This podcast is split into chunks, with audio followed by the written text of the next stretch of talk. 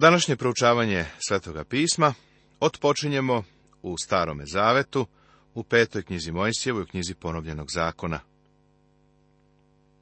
Uvod Sada kada smo došli do pete Mojsijeve knjige, treba da te podsjetim da je ovo poslednja knjiga petoknjižja. Prvih pet knjiga u Bibliji napisao je Mojsije i te knjige se nazivaju petoknjižjem. To su prva knjiga Mojsijeva, postanje, druga Mojsijeva, izlazak, treća Mojsijeva, Levitska, četvrta Mojsijeva, brojevi i peta Mojsijeva, ponovljeni zakon. Naziv Ova knjiga se naziva Deuteronomion, gde deutero znači dva ili drugi, a nomion znači zakon. Zato se naziv knjige i prevodi kao ponovljeni zakon. Međutim, ne treba smatrati da je ova knjiga samo puko ponavljanje zakona, koji je na gori Sinaj dat Mojsiju. Ovo je više od rekapitulacije. Ovo je još jedna ilustracija zakona, ponavljanja koje smo već primetili u Svetom pismu. Boži duh ima određeni način na koji nam nešto saopštava u formi pregleda, a zatim se vraća na to i posebno ističe određeni deo. Za petu knjigu Mojsijevu postoje četiri jevrejska naziva. Debarim znači reči ili ovo su reči. Ovaj naziv je izveden iz uvodne rečenice. Ovo su reči koje govori Mojsije. Drugo je rodbinski zakon. Treća je knjiga ukora ili opomena i četvrto je ponavljanje zakona, odnosno ponovljeni zakon. Tema Možda ćete tema pete knjige Mojsijeve iznenaditi.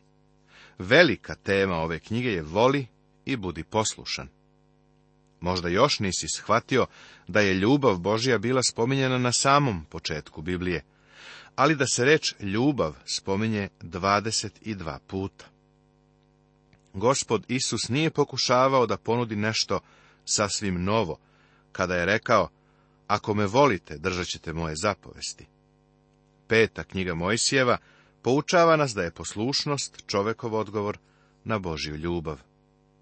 Ovo nije evanđelje, ali se veliki princip evanđelja ovde nalazi. Shvatimo jedno, zakon je dobar.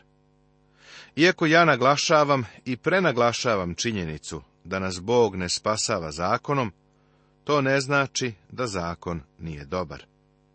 Naravno da je zakon dobar. Znaš li u čemu je nevolja? Nevolja je u tebi i meni. Zato nas Bog spasava samo svojom blagodaću. Pisac Petu knjigu Mojsijevu je napisao Mojsije. Mojsije je čovek koji je poznavao Boga i koji je sa Bogom razgovarao licem u lice. Psalmista kaže, pokaza puteve svoje Mojsiju, sinovima Izraelovim, dela svoja. Psalam 103. sedmi stih. Izraelci su vidjeli dela Božja, ali Boga nisu poznavali. Mojsije je poznavao Božje puteve. Peta knjiga Mojsijeva je rezultat ovog ličnog, prisnog poznavanja, plus iskustva stečenog u toku 40 godina u pustinji. Odeljak koji se bavi Mojsijevom smrću Peta Mojsijeva, 34. poglavlje od 5. do 12. stiha, verovatno je napisao Isus Navin. I taj deo pripada knjizi Isusa Navina. Kada je napisana knjiga Isusa Navina, stavljena je u svitak sa petoknjižjem, pa je tako sačinjeno šestoknjižje. Kritičari su postavljali pitanja autorstva pete knjige Mojsijeve. Početna kritika je bila da Mojsije nije mogao napisati ovu knjigu, jer je u Mojsijevo vreme nije bilo zapisivanja. Ova kritika je naknadno oštro opovrgnuta, jer znamo da je pisanje postojalo mnogo pre Mojsijevog vremena. Kritičari su, također, rekli da je cilj knjige bio da se proslavi sveštenstvo u Jerusalimu, a ipak se ni sveštenstvo, pa ni Jerusalim u knjizi čak i ne spominju. Iznenađujuće je vidjeti da ovu graf Wellhausenovu pretpostavku, pod kojim je imenom poznata, a koja je potekla sa nemačkih univerziteta pre mnogo godina, još uvek poučavaju na nekim teološkim fakultetima. Cilj Peta knjiga Mojsijeva je data novoj generaciji, kojoj nisu bila poznata iskustva sa Sinajske gore. Novi naraštaj je stigao na istočnu obalu reke Jordan. Ovo je bilo mjesec dana pre njihovog ulaska u obećanu zemlju. Odrasli iz generacije koja je napustila Egipat bili su pomrli, a njihove kosti su zbog neposlušnosti i nevere ležale pod pustinskim nebom. Prekršili su Boži zakon, to su bili gresi poslanstva. Nisu verovali Bogu. To su bili gresi propuštanja, izostavljanja. Vidiš, nevera je greh. Zakon je kroz telo oslabljen. Telo nije bilo dobro, kao što ni danas nije dobro. Iz tog razloga Bog je dao sasvim drugačiji osnov za naše spasenje. Novoj generaciji, koja je sada u dobu odraslih ljudi, bilo je potrebno tumačenje zakona, baš za njih, u svetlu tih 30-40 godina provedenih u pustinji. Iskrsavali su novi problemi, koje zakon nije određeno pokrivao. Bog također govori svom narodu da treba stalno svoju decu da uče zakonu. Usput da kažem, pitam se da li je ovo veoma zanemareno u današnjim porodicama. Govorimo o neuspehu i promašaju školstva, i današnje crkve. Slažem se da su i škola i crkva doživele strašan neuspeh u podučavanju dečaka i devojčica, ali pravi problem leži u domu, odakle treba da potiče vaspitanje. Mojsije ovoj novoj generaciji daje posljednja uputstva od gospoda, pre nego što će drugome prepustiti vođstvo naroda i umreti. Daje pregled doživljaja u pustinji i ističe izvesne crte zakona. Otkriva im njihov budući kurs u svetlu Palestinskog saveza, koji je Bog sklopio sa njim u zemlji obećanja. U ovoj knjizi ćemo vidjeti da Mojsijev zakon nije dat samo ljudima, nego i zemlji. Na kraju, Mojsije ih uči novu pesmu. Blagosilja dvanaest plemena i zatim se sprema da umre rekvijemom za Mojsija, završava se peta knjiga Mojsijeva ili ponovljeni zakon. Pregled Poglavlje Prvo pregled putovanja. Drugo, ponovno davanje zakona, ljubav i poslušnost. Pod jedan, Ponavljanje i tumačenje deset zapovesti. Pod dva, Verska i nacionalna pravila. Pod 1. Božija dela iz prošlosti daju sigurnost za budućnost. Pod 2. Bog je znao Izrael. Prošlost nije bila dobra. Pod 3. Bog je poslao Izrael u Egipat. Bog ih je izveo iz Egipta. Pod 4. Obećana zemlja nije poput Egipta. Princip zauzimanja. Izrael ima samo jedno mesto obožavanja u zemlji. Pod šest. Upozorenje i provera lažnih proroka, lažni bogovi. Pod sedam. Ishrana Izraela. Pod osam. Boži program za oskudicu, trajni rob, savršena žrtva je Hristos. Pod devet. Tri glavna praznika. Svi muškarci moraju prisustvovati. Pasha, Pentekost i praznik Senica. Pod deset različiti zakoni. Pod jedanaest sveštenici i proroci, provera pravog proroka.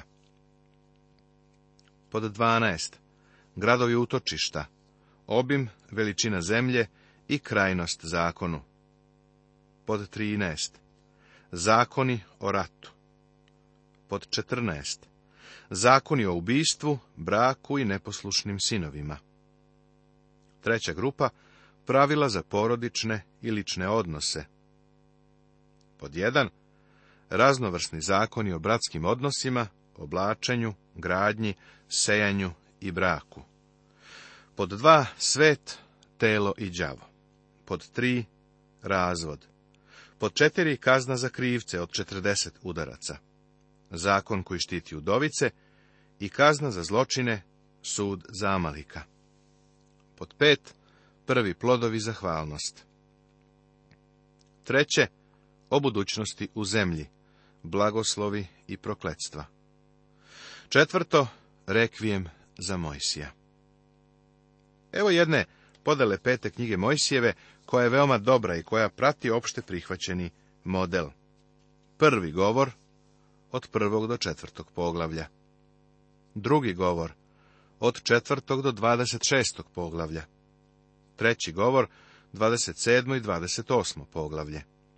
Četvrti govor, 29. i 30. poglavlje. Peti govor, 31. poglavlje. Šesti govor, 32. poglavlje, Mojsijeva pesma. Sedmi govor, 33. poglavlje i u posljednjem 34. poglavlju nalazimo osmi govor. Poglavlje prvo tema. Greška kod Kadis Varnije Mojsije daje pregled putovanja Izraelovih potomaka i tumači mnogo onoga što se desilo. Celokupna ta generacija je sada mrtva, osim Haleva i Isusa Navina. Oni pripremaju novu generaciju da uđu u zemlju. I on, Mojsije, ponavlja iskustva njihovih predaka, da bi ovaj novi naraštaj iz toga imao korist i da ne bi ponavljao njihove greške. Ovo su reči koje govori Mojsije svemu Izraelju, s onu stranu Jordana, u pustinji, u polju prema Crvenome moru, između Farana i Tofola, i Lovona i Asirota i Dizava. U toj istoj oblasti stajao sam na gori nebo. Imam i fotografiju koju sam tamo snimio. Sa te visine sam video Jerusalim. Ono što sam video uopšte nije izgledalo kao obećana zemlja. Izgledalo je kao potpuna pustinja. To nam pokazuje šta se sa tom zemljom dogodilo kroz vekove. Kada je Mojsije pogledao na tu zemlju, mislim da je video zelenu, dobru zemlju. Danas je to pustinja. Izgleda kao pustinska oblast u nekoj drugoj zemlji. Jedanaest dana hoda od Horiva preko gore Sira do Kadis Varnije. Gora Sinaj je na Horivu. Od Horiva do Kadis Varnije je bio put od jedanaest dana. Ovo je bilo mesto ulaska u obećenu zemlju. Izrael je proveo 38 godina tumarajući po pustinji, a bilo je potrebno samo 11 dana da se uđe u zemlju. Zašto? Zbog njihove nevere njihovo putovanje se pretvorilo u tumaranje. Postali su puki tuđinci i hodočasnici u toj pustinji. Pošto su sporo učili, 38 godina su tumarali po toj ogromnoj i groznoj pustinji. I mi sporo učimo, prijatelju. Mislim da bismo sebe lepo opisali ako bismo rekli da imamo nizak duhovni količnik inteligencije. Izgleda da je gospod morao da spali školu da bi neke od nas isterao iz nje. A beše 40. godine, prvi dan 11. meseca, kad Mojsije kaza sinovima Izraeljevim sve što mu beše zapovedio gospod, da im kaže. Pred kraj njihovog tumaranja, Mojsije im daje svoj prvi govor. Očigledno je da su ove reči usmeno saopštene i da su naknadno zapisane. Ranije su kritičari u ovome pronalazili grešku, tvrdeći da u Mojsijevom dobu nije bilo pisanja. Naravno, sada znamo da je pisanje postojalo mnogo pre Mojsija. Mojsije je bio govornik koji je izneo svoj prvi govor, pa ipak on jasno pokazuje da mu je taj govor dao gospod. Greška kod Kadisvarnije svarnije dajući pregled njihove istorije i detaljno iznoseći njihova putovanja, Mojsije spominje i svoju veliku grešku. I rekoh vam onda govoreći, ne mogu vas nositi sam. Kako bih ja sam nosio muke vaše, bremena vaša i raspre vaše? Dajte iz plemena svojih ljude mudre i vešte i poznate, da vam ih postavim za starešine. Zapis o ovome imamo u drugoj knjizi Mojsijevoj u 18. poglavlju. Mojsije je isprovociran, opterećen i osjeća se uskraćeno. Mislio je da sam nosi teret Izraela. Gospod mu je dozvolio da imenuje starešine. Tako je izabran odbor od 70 ljudi. Od njega je kasnije nastao Sinedrion, organizacija koja je mnogo godina kasnije Hrista poslala u smrt. Mojsije u osjećanju lične uskraćenosti, izgubio je iz vida činjenicu da Bog nosi Izrael. Mojsije je od Boga bio imenovani vođa, pa mu nije bio potreban odbor ili komisija. Mojsije je napravio ozbiljnu grešku i to ovde i spominje. Vrlo mali broj ljudi će spomenuti svoje greške, ali Mojsije to čini. Kaže da je to zvučalo vrlo dobro, ali da nije funkcionisalo i da je proizvelo velike poteškoće. Isto ovo može da se dogodi i u crkvi. Mislim da jedna od najgorih stvari koja se može desiti crkvi jeste odbor crkveni koji ne sledi pastira. U takvom konfliktu treba da ode ili odbor ili pastir. Ako se pastir zalaže za Božju reč i propoveda je, onda je dužnost odbora da ga podržava. Ako im se ne sviđa način na koji pastir češlja kosu, treba onda da izađe. Nažalost, oni ostaju, dele crkvu, pokušavaju da razapnu propovednika. Želiš li da znaš kako je Mojsije procenio pustinju kroz koju su prošli? Potom, otišavši od Horiva, pređo smo svu onu pustinju veliku i strašnu, koju videste, idući ka gori morejskoj kao što nam zapovedi gospod Bog naš, i dođe smo do Kadisvarnije. Držat ću ga za reč, jer je tamo bio. Bilo je i divno i strašno. Put kroz pustinju nije bio put posut cvećem. Druga greška koju Mojsije spominje bila je odluka kod Kadisvarnije. Bila je ovo greška naroda.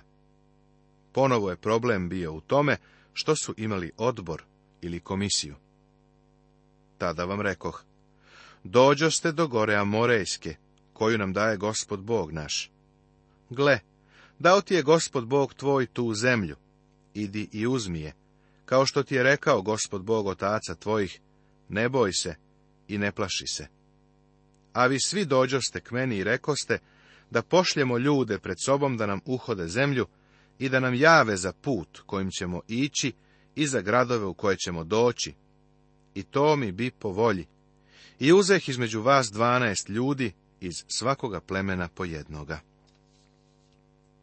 Evo idemo ponovo. Moramo imati odbor ili komisiju, ili komitet, da bismo istražili zemlju. Bog je tu zemlju već istražio. Bog je rekao da je to zemlja u kojoj teče med i mleko. Naravno, u zemlji je bilo i divova, ali je Bog rekao da će se pobrinuti za njih. Narod je želeo odbor. Mojsije je želeo odbor. Vidi šta se desilo. Radi ovoga su se vratili u onu užasnu pustinju. Osnovni problem je nevera. Bog je bio rekao da je zemlja dobra. Uhode su je pregledale i složile se sa tim da zemlja jeste dobra. Ali su rekli, tamo ima divova. Bog je rekao da će se on pobrinuti za divove, jer će opremiti Izrael. Narod nije verovao Bogu. Današnji hrišćanin se u ovom životu mnogo puta suočava sa divovima. Siguran sam da si se kao dete Božije našao u divovskoj zemlji. Veruj mi, teško je znati kako se suočiti sa njim, kada se sam osjećaš kao patuljak. Bog nam je dao ono isto obećanje, da će se on umjesto nas pobrinuti za divove. Divno je znati to. Spoljašne okolnosti nisu naš pravi problem. Naše unutrašnje prilike, nevera našeg srca, jeste ono što stvara probleme.